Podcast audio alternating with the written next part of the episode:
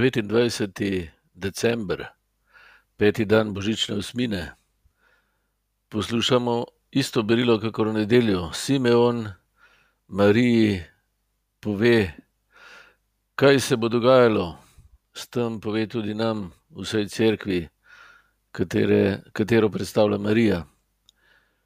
Strah pred smrtjo nam povzroča veliko trpljenja, v Kristusu pa lahko okusimo svobodo od te teme, strahu in laži, ki nam jih strah usiljuje in postajajo meso. Če beremo Jezusovo besedo in z njim sodelujemo, eh, ga lahko tudi vidimo, tako kot Simeon, stara zaveza, ki je pričakovala izpolnitev in dopolnitev, da končno eh, sterilnost preide in Bog to sterilnost ozdravi. Zato je tako uh, lep ta odlomek, da ga duhovniki molimo vsak dan, zdaj odpušča z Gospod svojega služabnika v miru. Se pravi, s hvaležnostjo in zahvaljuvanjem gre lahko v miru počivati. S tem pokaže, da smrt ni konec, ampak prihod na cilj, dokončno in veselo srečanje z vsemi, ki so zajeti v božji ljubezen.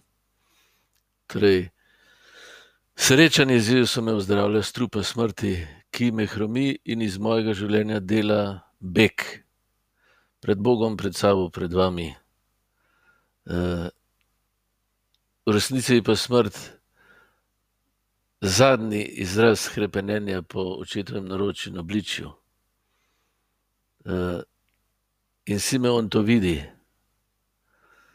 Tudi ti in jaz smo povabljeni, da umoči njegove besede, ki jo bereva, ki je kot božji angel, kot rob njegove obleke, ki nam je posredovan po cerkvi, tudi mi dva doživiva to veselje in ta mir, da se lahko veseliva. Usoda, ki jo Simeon napove, eh, ima cilj, kot sem že omenil dokončno srečanje z očetom in z vsemi, ki eh, nas Bog ljubi. To smo pa vsi.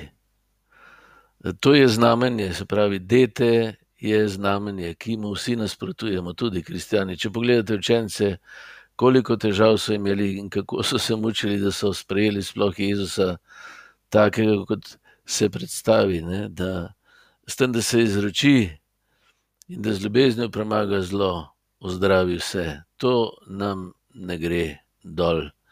In zato stalno padamo, ampak srečo imamo, da je uh, Kristus prišel ravno za nas, ki padamo tako kot Peter, apostol Peter in vsi učenci za njim.